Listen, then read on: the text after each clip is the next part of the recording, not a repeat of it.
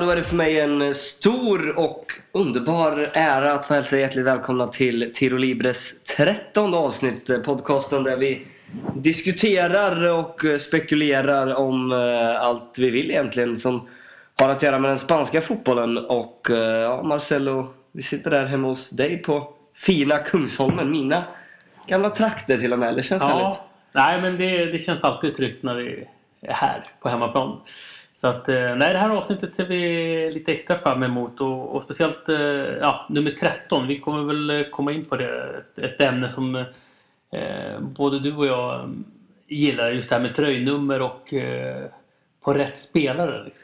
Ja, det här är ju avsnitt 13 och vi tänkte väl Ja, vi kanske kommer in på någon spelare. Jag vet att du har någon liten favorit och någon som, du, som dök upp i huvudet när vi, Ja. när vi tog upp det förut. Men, men det är ju så i Spanien eh, att eh, målvakterna spelar ju med tröja nummer 13. Det är ju regler att man i A-truppen måste ha spelare. Man får ha max 25 spelare. 25 Och det är registrerade 1 precis. till 25 då. Eh, och målvakterna måste ha 1, 13 eller 25. Så i, i La Liga numera, det var ju lite annat förr, men, men numera så har ju alltid målvakter eller någon målvakt eh, tröja nummer 13. Så att eh, det är ju ingen utespelare på något sätt som man kan associera på det sättet och minnas tillbaka eh, som, som har sprungit runt i, i tröja nummer 13. Inte som jag kan komma ihåg i alla fall. Eh, Utan det blir dock målvakt såklart. Ja, och och jag, jag tänkte att vi ändå kunde ta upp ett ämne som, som, eh, även som, som jag brinner för och som, som gör mig upprörd så ofta. Det är just det här att jag, jag, jag är inte så konservativ att jag tycker man ska spela med 1 till 11. Eh, att man ska rulla runt på nummer så att de som startar ska ha ett hela. Nej, så tycker jag inte. Men jag tycker det är väldigt bra, exceptionellt bra att de har reglerna i Spanien att det är 1 till 25. Att se Yahya Touré springa runt i 42 i, i Manchester City, det, det är spya på. Det är beklämmande. Det det är tragiskt. Eh, och det är lite samma med målvakterna. Vi snackade om det precis innan vi satte igång här. Att, ja, men Atletico Madrid har haft sina två, tre senaste ordinarie målvakter. Med, med tröja nummer 13. Det är Oblak nu, var Courtois innan. Det är fel alltså. Ska man stå permanent så ska man ha nummer ett. Eh, det är min åsikt. Eh, ja, sen sen finns, måste det alltid finnas en konkurrenssituation om vi tar Barca-exemplet med, med Bravo och Ter Stegen där Bravo hade 13. Men den uttalade första målvakten ska ju ha nummer ett. Håller du Nej, med mig? ja, jag, jag håller med dig. Jag, jag, jag kanske inte heller är jättekonservativ som du var inne på. Jag tycker det är bra i Spanien har man 1-25. Jag har svårt att se spelare med, med 99, 77 och de här siffrorna. Liksom. Det, det, det ska vara cleant. Eh, tycker jag. Sen, sen är det spelare i spanska ligan som kan ha nummer över, alltså 26, 27, 28. Då är då de är det, för att de är, det är för att de är registrerade i ungdomslaget eller i, i Precis. Barcelona B eller Castilla eller liknande. Eh, men tränar kontinuerligt med, med, eh, med A-truppen och spelare. Men eh, nej, jag håller med dig. Jag håller med dig. Det, ska, det ska hållas cleant. Vi har till exempel en målvakt i Italien, Emiliano Viviano i Sampdoria som spelar med nummer två. Alltså det, det, Ja, det, det ser helt det- för jävligt ut. det är nästan att bojkotta Sampdorias matcher bara på grund av det. Ja, ja det skulle jag också gjort. Uh, är hemskt. Eh, och det, men jag tycker det är samma sak vara vara gällande utespelare. Jag menar att, uh, att, att Lastiarado nummer 10 i Real Madrid under ett par, tre säsonger. Det är också beklämmande. Ja. Han kan inte Nej, men- springa runt i tian. Det, Nej men utespelare, det, det håller jag också med. Jag tycker liksom att det finns vissa nummer som är eh, som tillhör liksom backlinjen. ja. Vissa som tillhör mittfältet, vissa som tillhör en forward. Liksom. Den som kanske bröt mönstret lite, eller två spelare som, jag, som direkt kommer upp på näthinnan som bröt mönstret lite just det här med jag tänker på ett lägre nummer som eh, femman som kanske är mittback. Zidane kanske. Zidane och Diego Forlan Ja. som spelade med femman i Villarreal. Mm. Eh, Ja, det, det, nu, nu, nu kommer jag ju låta väldigt eh, tvådelad och, och mycket dubbelmoral från min sida. Men jag gillade ju någonstans ändå både att Forlan spelade med nummer fem och att Zidane gjorde det. Men jag vet inte, det var ju också kanske just att det var lite, Men det var charmigt li, li, lite, ja, lite banbrytande på något sätt. Men det finns eh, det är kanske snarare undantagen som bekräftar regeln någonstans. Men, eh, men att en spelare skulle spela med, med tröja nummer sju och vara högerback tycker jag går fet bort. Ja, nej, jag, jag Eh, exempelvis då. Sen, sen att de spelar som, som tia och har, Mm. har nummer åtta eller dylikt. Äh, så, så, så långt uh, behöver jag inte dra gränser. Utan det, det, det, det, det, det är hyfsat marginellt. Men, eh, men det får ändå finnas några på något sätt Mm. grundpelare att förhålla sig till.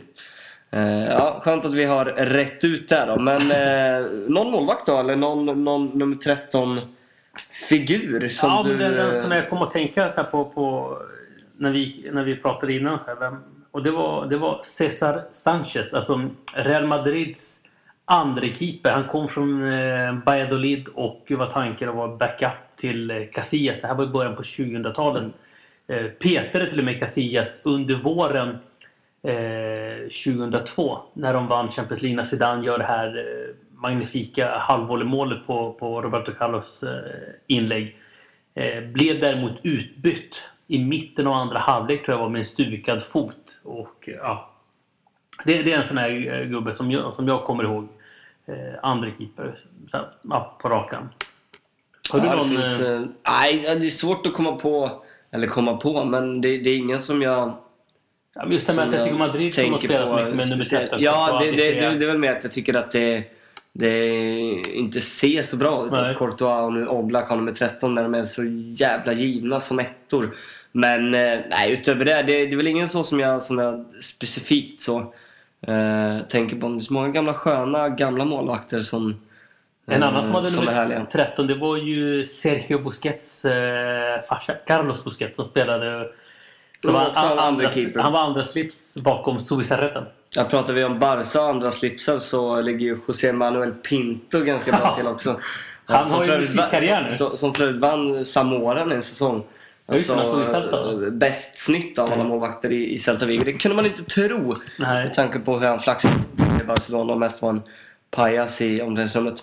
Ja, eh, nog om spelare med nummer 13 då och Mm. in på eh, lite tidningsrubriker istället.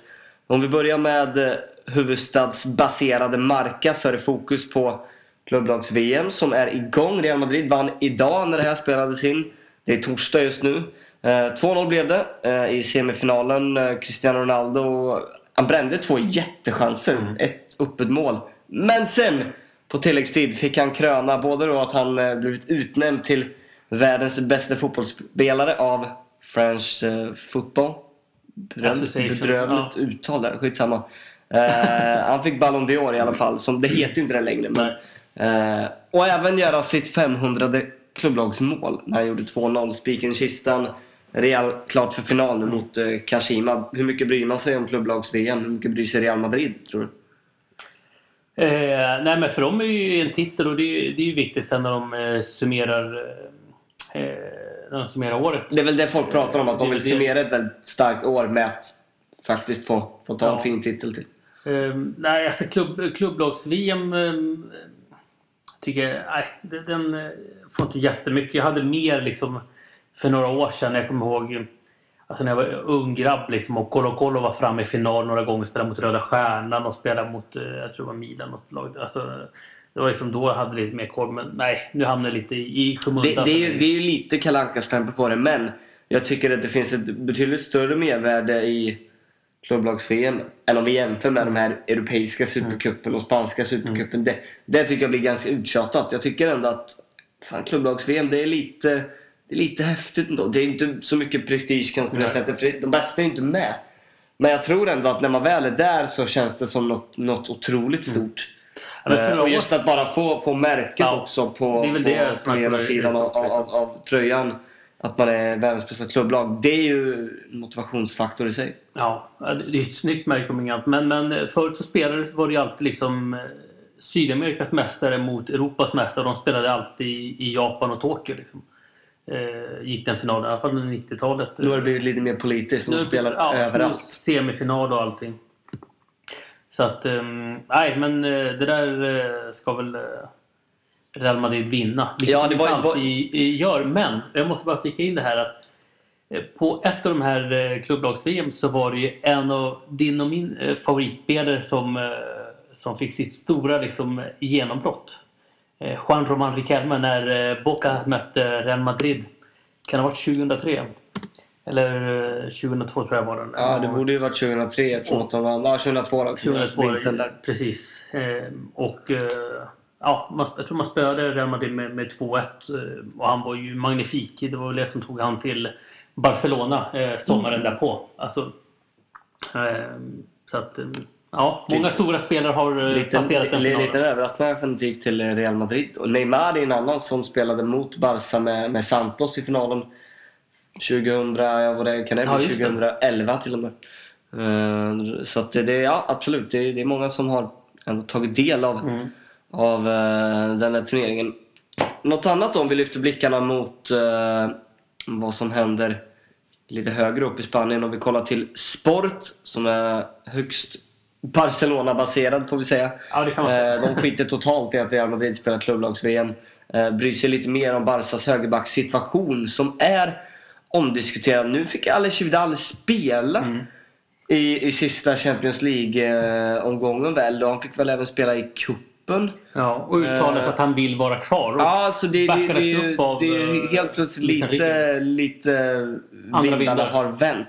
Eh, Men Sergio Roberto har ju inte varit lika bra de senaste månaderna som han var i inledningen av säsongen. Mm. Och det snackas ändå om att man ska förstärka. Det är eh, Cancelo i Valencia som, som varit väldigt, väldigt bra. Eh, som det pratas allra främst om. 30 miljoner euro nämns det i, i Diario Sport. Och eh, det är oavsett om Valencia kommer, Mm. eller om han kommer förlänga sitt kontrakt med Valencia eller inte så kommer det, den utköpsklausulen vara bestående för 30 miljoner euro. Det är ju pengar som Barca skulle kunna betala.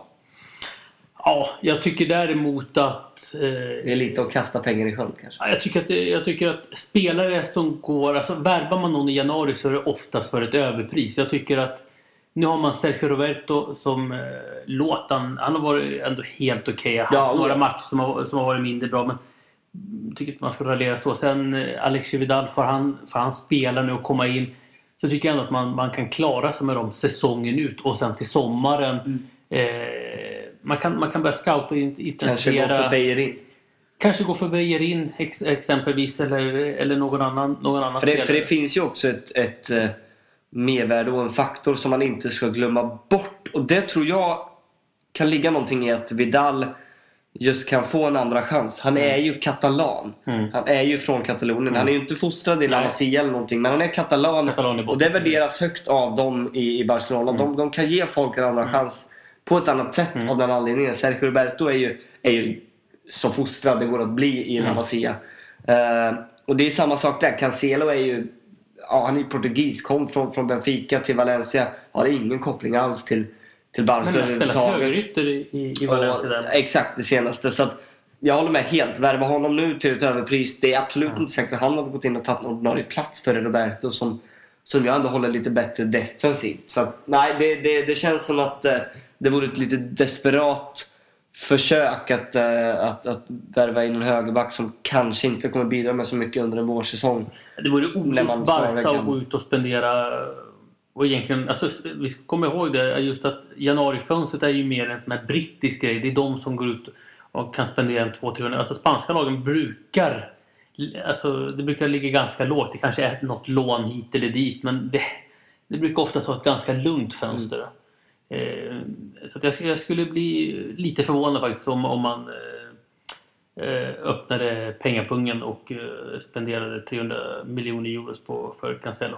Även att Real Madrid skulle gå ut men, och spendera för några spelare. Så det, jag, tror, jag tror i slutändan att de här två lagen kommer ligga ganska lågt. Sen kan det vara så här att ja, men får man Dario Serna gratis exempelvis ett halvår, ja men då kanske de det kanske blir en sign-on-bonus och eh, lite lön. Liksom. Det skulle jag kunna köpa på ett sätt men inte att man spenderar så mycket pengar för en högerback. Det tycker jag inte. En annan klubb då som eh, vi kan väl gissa inte går eh, på något sätt lottlösa från ett, januarifönster. Åtminstone det är väl inte deras förhoppning i alla fall. Men Valencia är ju på anfallsjakt i första hand. Mm. Super Deporte eh, från Valencia, då, tidningen där, skriver att det är tre alternativ nu som har lagts fram. Det är Kalinic i Fiorentina, Batshuayi som har sliter med speltid i Chelsea och Simone Zaza i West Ham. Mm. Jag vet inte, det kittlar ju inte av någon tycker jag. Eh, framförallt inte av det, den sistnämnde. Kalinic och Batshuayi tror jag hade, hade funkat bra. Tagit eh, och cementerat den där platsen längst fram i Valencia. Men framförallt så behöver de få in någon som på Ja, något sätt omfamnar allting och gör mål. ja, så Va- Valencia är ju höstens stora, stora besvikelse och har ju inte lyft. Nu var ju ledningen, du, du var inne på de här spel, ledningen med eh, eh, Prandelli var, var ju nere i Singapore och besökte Peter Lim och ska ha fått något form av Förutom backup och för, mm. förtroendevoto så ska de ha fått lite medel att röra sig med nu här under januari och eh, jag till skillnad från dig jag vet inte, Sasa, alltså, jag gillar ju den forwardstypen, alltså, tycker jag ändå, som ganska stor, alltså, tung och tycker han var bra i Sassuolo. Sen i, i, han har ju sålt allt sin värdighet efter sin straffmiss eh, mot uh, Tysklands sämsta straffen genom eh, alla tider tror jag. Eh, Kalinic tror jag blir svårast att, att få, få loss. Att han är ändå liksom ordinarie i Fiorentina. Batshuay, ett lån. Jag tror inte att de säljer honom. Nej, och då är det inte lika värt känner jag heller. Nej, och Sasa eh, vet jag inte riktigt. Är inte helt hundra på hur hans kontraktssituation ser ut. Eh, om han är utlånad från eh, Juventus i sådana fall. Då. Eh, och skulle det vara det så kanske man får överta lånet. Ja, man får ju se lite hur det gör. Men, men eh, spännande namn och helt klart en klubb som eh, kommer och måste investera eh, deg nu under, under januari månad. Det absolut bästa för Valencia hade varit att plocka tillbaka Pablo Piatti som är fullkomligt magnifik i, eh, i Espanyol. Men det, det hoppas jag att de absolut inte gör för att eh, förstör inte en så fin eh, och underbar fotbollsspelare ytterligare en gång. Valencia som för övrigt har 12 poäng, lika många som eh, Sporting Gijon som ligger under nedflyttningsstrecket ja. med, med sämre målskillnad. Så det, det är ju ja, de kanske måste krascha helt och hållet och ta en uh, ny vända. Uh, ja, det kanske där, ja, Som Villarreal har gjort och Betis exempelvis. Det är helt sjukt att man ska dra sig i. Ja, ja, ja, jag, köper, värdigt, ja, ja, ja, jag köper inte att det hade varit, hade varit rätt väg att gå. Däremot så tror jag i så fall att man Istället för att göra den klassiska, det mer klyschiga att man måste ändra tränare, att man på riktigt kanske kan få rensa mm. truppen. Mm av den här stommen som ändå varit, det har ju varit en hel del mm. eh, nya ansikten och sådär. Men skicka Parejo och de här som på riktigt aldrig lyft. Nej. Rodrigo Moreno, Bacali. Så det, det är kanske dags att liksom ändra om Helt det, är, det är helt okej spelare men inte tillräckligt bra för ett Valencia som ska vara med och slåss om topp 6-platserna. Mm. Nu sägs det också att eh, Cesar Prandelli har haft, eller kommer att ha ett snack med både Parejo och eh, Enzo Perez om deras framtid. Det är säkert två spelare som han kanske tvekar lite på men ja, Enzo Perez, jag tycker ändå att det är helt, två helt okej spelare men det är inga spelare som kommer att höja det kanske. Och Enzo Perez definitivt inte lagkaptensmaterial med, med den ja, av det jag har sett under, under hösten. Liksom. Ja, ja, ja, jag, ju, jag har ju sagt tidigare i podden också att Valencia kommer ju aldrig lyfta till några oanade höjder med Dani Parejo i, i den rollen och, och med det på något sätt ansvaret. Det är ingen dålig spelare men för ett Valencia som, Nej, som vi är inne på, som, som ska vara med betydligt högre upp så, så Nej, tror jag inte att han är, spelar han är en spelare som ska vara med. Spelar, spelar Valencia med tre centrala mittfälten då är han perfekt att ha den fjärde gubben. Mm. Alltså ja, kunna, skador, kunna, avstängning, avlasta, ja, komma in i 65-70 minuten. Men inte att vara en bärande tia. Liksom. Nej, de, borde, de borde plocka in, om de nu har deg nog, en, en James Rodriguez, plocka hem Juan Mata. Ja. En sån spelare de måste bygga runt. Silva, många. Mm. Därför där har du en, en gubbe som har eh, helt fel nummer. Apropå nummer det vi pratade om tidigare. David Silva? Nej, nej, nej. Parejo. Han ska inte ha nummer 10. Nej, fast de, de har ju inte så många andra heller. De har spelat i den rollen. Så jag kan köpa det okej. Okay. Men nej, han, är, han är ju ingen klassisk De behöver en pa, eh, Pablito Aymar. Ja, han är, han är ju ingen Riquelme direkt. Nej, herregud. Han väg upp dit. Eller en bit upp dit. Uh, ja, nog om, nog om det. Vi, se, vi, ska, vi kommer komma in lite mer på, på silly och så vidare mm. längre fram eh, såklart. Uh, men om vi, om vi återgår till det som sker på planen då. Lite gångna från den gångna omgången och uh, ett resultat, eller två resultat sticker ju ut rejält. Ja. Och vi börjar eh, i den änden eh, som jag pekar nu. Eh, det, det, ser inte ni som lyssnar. Men Celta Vigo, Sevilla 0-3. 0-3. Det är ju, ja, men det är ju ändå ett ja, vi, överraskande resultat får man säga. Ja, vi pratade ju lite om det, jag nämnde det förra veckan lite det här att det blir ju den här tränarkampen mellan två ja. Bielsa-gubbar med Berizzo och eh, Sampaoli den här matchen, Celta-Sevilla, kändes likadant som matchen mellan Valencia och Atletico Madrid. För några tidigare veckor sedan. i höstas? Ja, tidigare i höstas. Där, där man, man känner lite på varandra. Man, man, man lurar lite och sen, och sen smäller det till. Liksom, och så bara 1, 2, 3-0 i baken. Eh, och roligast av allt var ju väl att eh, alltså, ja, det kändes lite som kattens lek med råttan. Alltså, otroligt imponerande. Av och det, det är väl också något som vi har varit inne på, just den här taktiska flexibiliteten som, som eh, eh, Sampaoli. Sampoli eh, lyckas bemästra på Ja. något sätt. Att det ser, man, man ser tendenser i spelet varenda match som är liknande. Mm. Men det är ändå skillnad från match till match. Mm. Och det säger ju mer om, om hans del i det hela Mm. såklart. Eh, och intressant i hela grejen är att Vicente Iborra kom in i paus och gjorde hattrick. Ja, det, Det har ju, utan att, utan att vara hundraprocentig på den här faktan så kan jag ju säga att det har aldrig hänt tidigare att han har ens gjort Nej, hattrick nej. i, sin karriär. Det är alltså en defensiv mittfältare normalt Ja, precis, som sattes upp i den här Tio-rollen. Inte tio-rollen, men mer den här släpande Ja. rollen. Typ Raúl Garcia-rollen Ja, under eh, Unai Emery under en säsong i Europa League. Var ganska bra. Var väl aldrig helt hundraprocentigt ordinarie, men alltid varit väldigt viktig. Ja. Eh, nu kom En han in och nu. stångades och eh, gjorde hattrick. Uh, gick fram och tog uh, straffen som blev 3-0 i slutet. Han är ju inte Alltså vilken straffskytt. straff! Såg du straffen? Ja, ja, så Ja. straffen. Det var ingen pardon direkt. Men det var ju såklart för att han skulle göra hattrick. Men det är också en, en, en, en, en taktisk grej liksom av Sampaoli, av det jag sett av Sevilla under hösten. Det är att vill han liksom spela med ett mer fysiskt mittfält eh, både större, menar fysiskt liksom muskler och i, i längd. Då spelar han ju med en Sy och, eh, eh, och honom i sådana fall. Mm. Liksom. Så att, eh, nej, nej det, det, det är ett resultat som eh, eh, som sticker ut. Berizzo, alltså, någonstans så måste vi börja ifrågasätta att eh, de har inte fått den här utvecklingen. Är han fortfarande rätt man för det hela? Nu är det mycket kvar av säsongen. Och, och man kan också Eh. fråga sig lite, är... Ska man inte ha ännu mer, mer tålamod Jo. med det på ett sätt? För att det är, om vi jämför med vilka spelare som lämnade Mm. och vilka som har kommit in. Jag tänker på en sån som Pionicisto. Betydligt yngre eh, material än, än en redan färdig produkt i Nolito. Oriana har varit skadad mycket. Mm. Det, alltså, utan de två så blir det ett helt annat Mm. lag. Det är ändå på den nivån Ja, Celta Vigo är. Att de här håller- nyckelspelarna betyder enormt mycket. Det håller Så jag med dig om. De här, de här spelarna som har plockat in nu eh, John som i och för sig är inne på sin andra säsong, men jag tror ändå att de behöver växa Mm. till sig kanske ett eller två år till.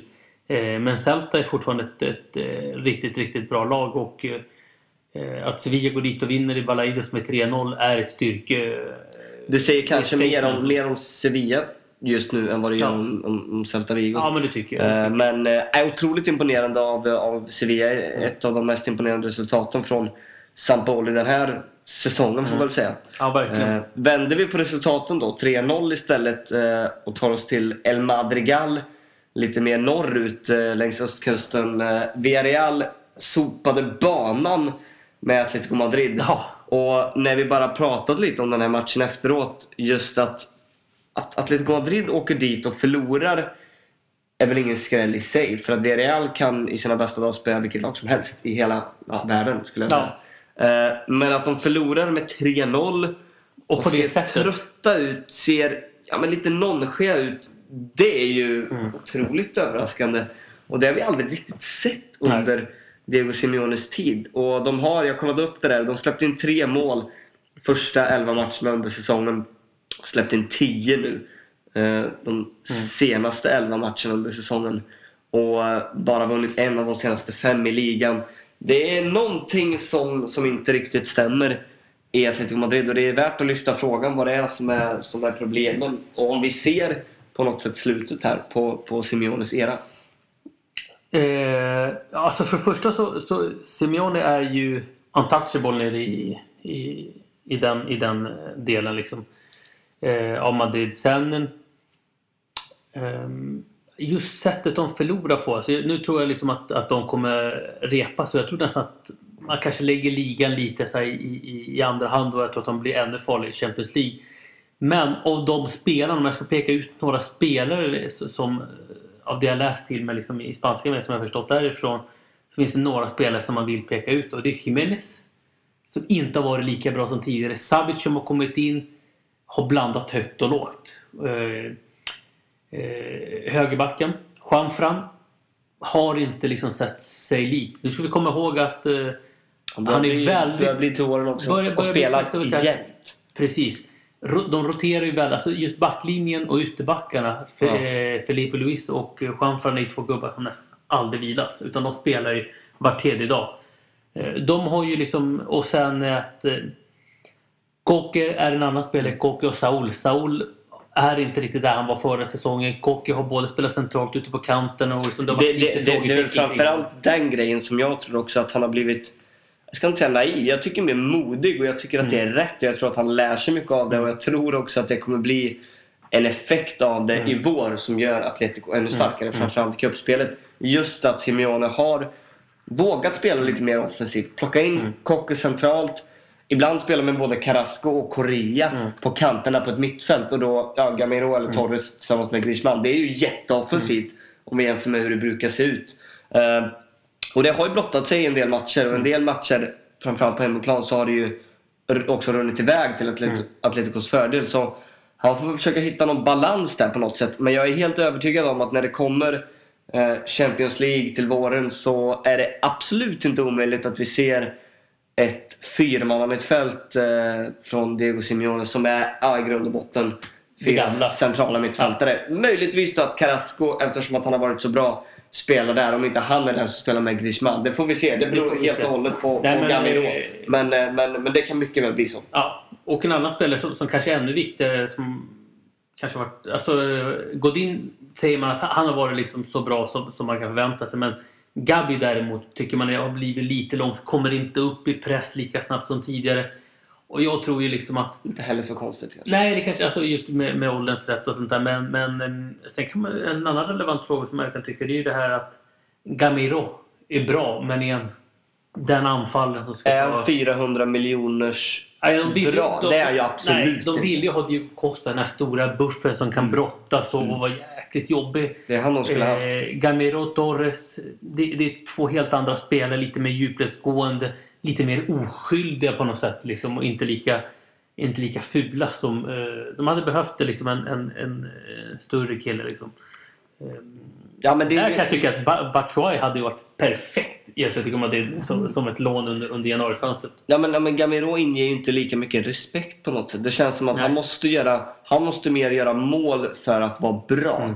Diego Costa med hela sin karaktär och allt vad han innebär kan ju göra väldigt bra matcher Mm. utan att kanske vara avgörande i de här ja, sista Mm. tredjedelssekvenserna i mål eller assist. Bara för att han är, som du är inne på, en buffel. Han är bestialisk i Mm. sitt sätt att, att vara på planen och inge någonstans respekt. Jag minns när han i Champions League-semifinalen mot, eh, mot Chelsea, då, Mm. nu var en klubb, när han han tog avspark och sen så sprang han några meter och sen så gick han mot backlinjen och bara gick rakt in i Terry. bara för att gå. Eh, och på något sätt visa.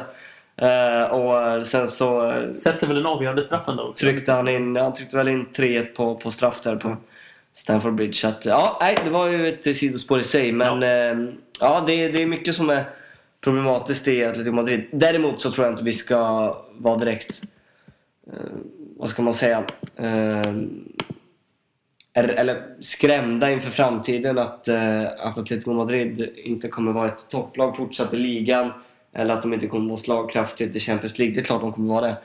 Eh, och jag tror att Atletico kanske mer än någonsin att räkna med i Champions Ja. League. Just av den Jag tror anledningen. han, han får ordning på det här. Jag tror det snarare det kan bli jäkligt intressant att diskutera vad händer efter Simeone. Ja. Ja, ja. Jag, jag, har, jag tror ju på något sätt att eh, Unai Emery är den gubben som kommer ta över.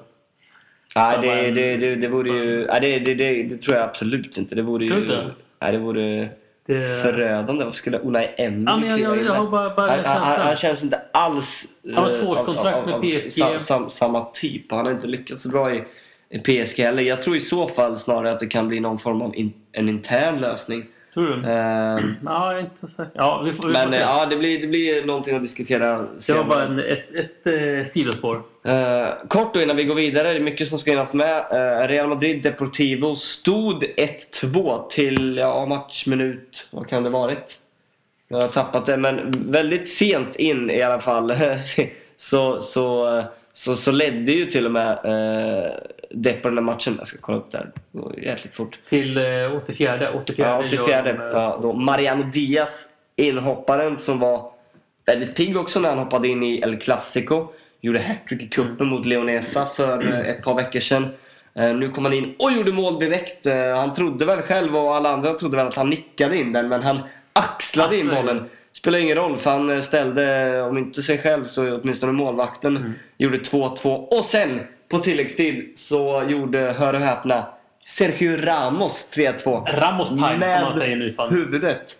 Eh, ja, det, det är ju helt absurt på något sätt men det är inte tur när det händer tre, fyra, fem, sex gånger eh, på Nej, några men år. det, det stärker ju egentligen bara den tesen som det vi pratade om förra veckan. Just den här eh, vinnarmentaliteten Mm. och tron att, att, eh, att det aldrig är kört, att man Nej. alltid kan göra mål. Alltså lite den mentalitet som Diego Simeone har fört in i Atletico Madrid har Zidane fört in i, i Real Madrid. Jag, jag, jag, jag, jag, tycker, Det- jag, jag tycker att det har, det har kanske blivit en större effekt nu men jag tycker alltid att det har funnits i Real Madrid. Så länge jag har Ja. kollat på fotboll och kollat på Real Madrid så det spelar liksom ingen roll de här matcherna då Real för en gångs skull kanske inte är så bra på Bernabéu. När Ja. spelare är borta som Mm. det var nu och, och att man hamnar i underlägen och det ser eh, taffligt ut spelet Mm. och det känns som att det finns ingen struktur. Men man vet någonstans att det kommer dyka upp lägen. För det här är Real Madrid och det här är Santiago Bernabéu.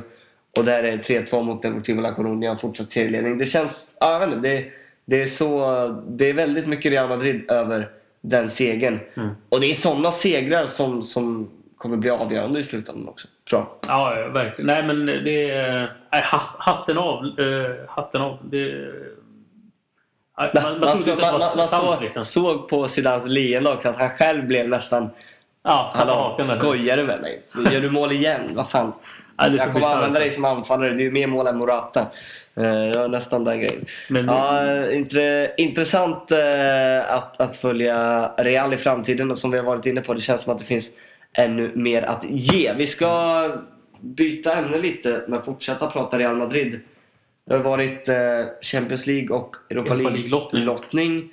Eh, jag skrev på min eh, lilla blogg där på Fotbollskanalen inför det här om vad jag tyckte och tänkte då vore dröm respektive mardrömslotter för de spanska gängen. Och framförallt då om vi kollar Champions League så tycker jag att det blev ganska fördelaktiga lottningar för de spanska lagen. Jag blir överraskad om inte alla går vidare. Eh, och först då Real Madrid, Napoli.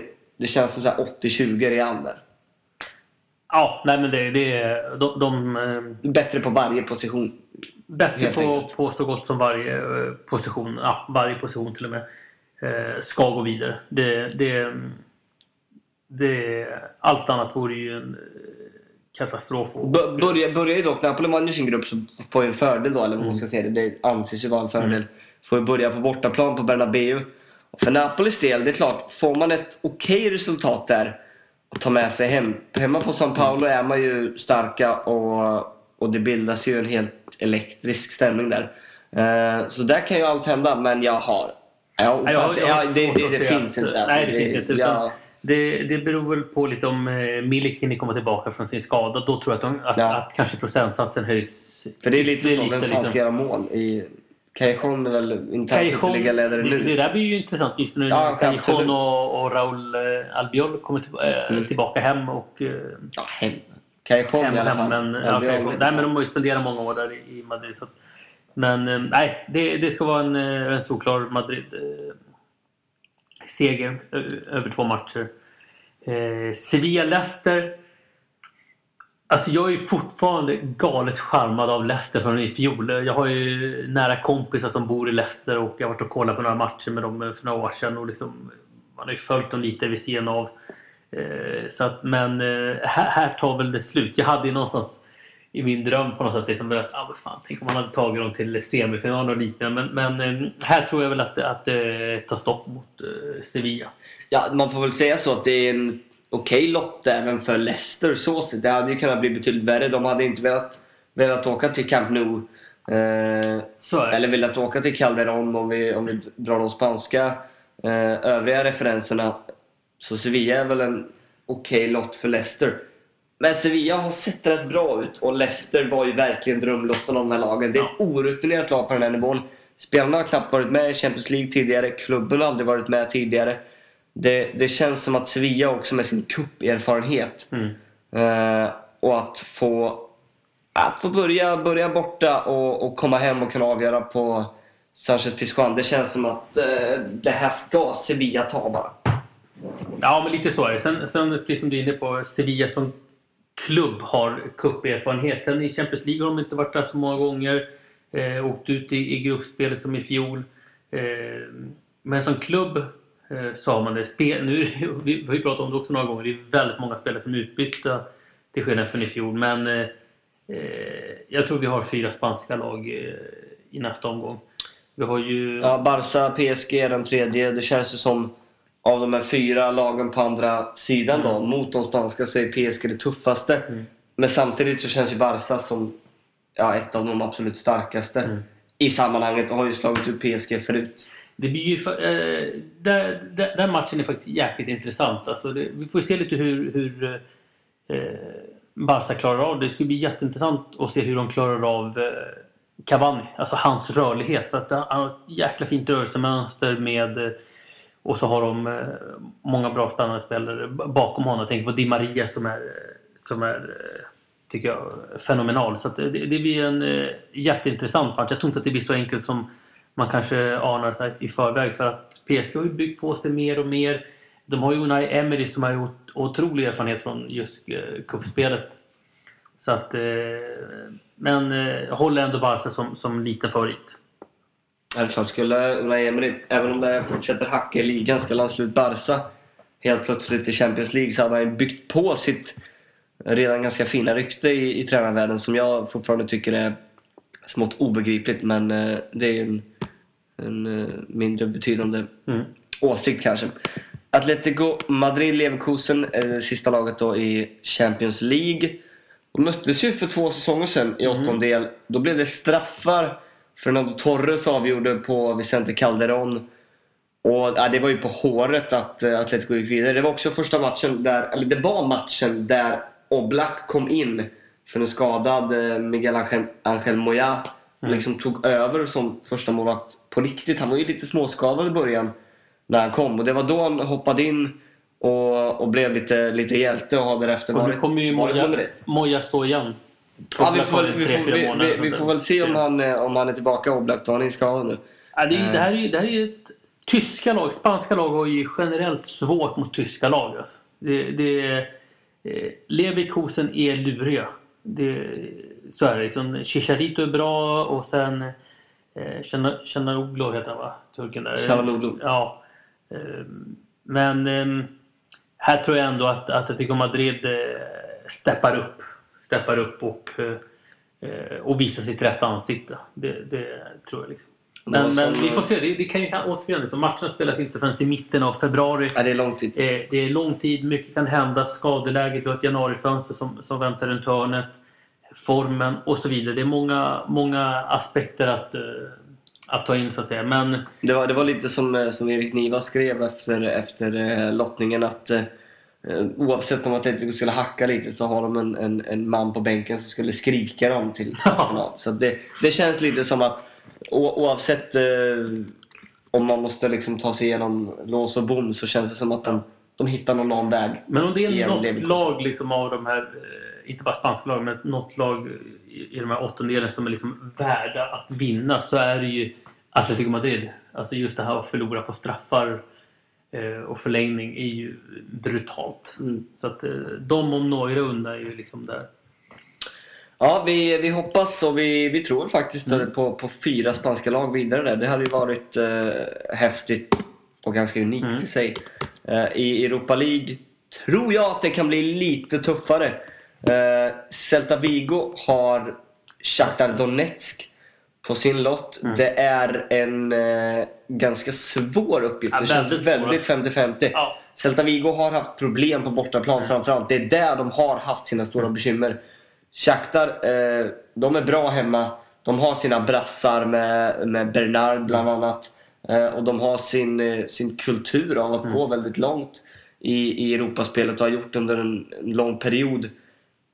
Ja, det, blir, eh, det blir en tuff eh, uppgift där för Celta Vigo. Nu kommer man få bekänna färg på riktigt känns det. Ja, så är det. Sen, just det ryska och ukrainska lag liksom, eh, brukar oftast vara lite sämre liksom, på, på våren när de uppehåller sina Jo, ligor. det vore väl och, så- och, så, En liten följd kanske. Men, eh, men Shakhtar är ändå liksom det laget från eh, alltså, gamla Rys eh, Ryssland, Ukraina och så vidare. Men som, som, eh, som har ja, ekonomiska medel och andra medel liksom att, eh, att, att hota på allvar. De var väl i final här för något år sedan också. Det gick väldigt långt. Och Mm. Så att är svår match. Sen har du ju kanske den enklaste den där Bilbao-Apoel. Det, det, det ska... D- Drömlopp för Atletic. Ja. Apoel vann ju sin grupp förvisso. De var ju till och med i kvartsfinal i, i Champions League för ett par, tre säsonger sedan. Men det är klart att Mm. eh, Atletic ska utan vidare problem, oavsett om man gör en lite sämre match, så, så på hemmaplan så ska man ta det här. Mm. Eh, och har ju allt som krävs. Och, ja, men alla pusselbitar egentligen för att, för att gå väldigt långt. Och Apoel ska bara vara en, ett steg på vägen att passera på något sätt. Nej, det, det är ett stort misslyckande om de inte slutar på L. Mm. Och, de, och de, de har ju redan från gruppspelet satsat väldigt, väldigt hårt. De har ju har inte spelat så bra i, i gruppspelet trots att de har eh, Haft större sa- sa- bekymmer än vad man trodde, Ja, liksom. satt ut Mm. väldigt starkt Samma sak lag. med, med Villarreal. Ja, lite bekymmer. så. Men eh, Villarreal har ändå roterat lite Mm. mer och kanske satsat lite mer ligaspel. Atletico har försökt att kombinera så gott det går. Mm. Spelat med starka lag.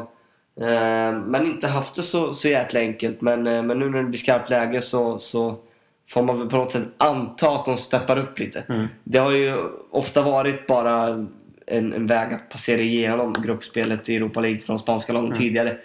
Man förstår ändå att, eh, att eh, Adoris, han gjorde i och för sig fem mål i en av matcherna, men att, att de här linorna inte känner lika stor motivation varje gång att gå in och möta alla israeliska lag och så vidare. Men nu är det mer skarpt läge och Atletic bör givetvis eh, vinna ganska säkert. Eh, tuffare i, i det sista av de här sju spanska lagen i Europaspelet.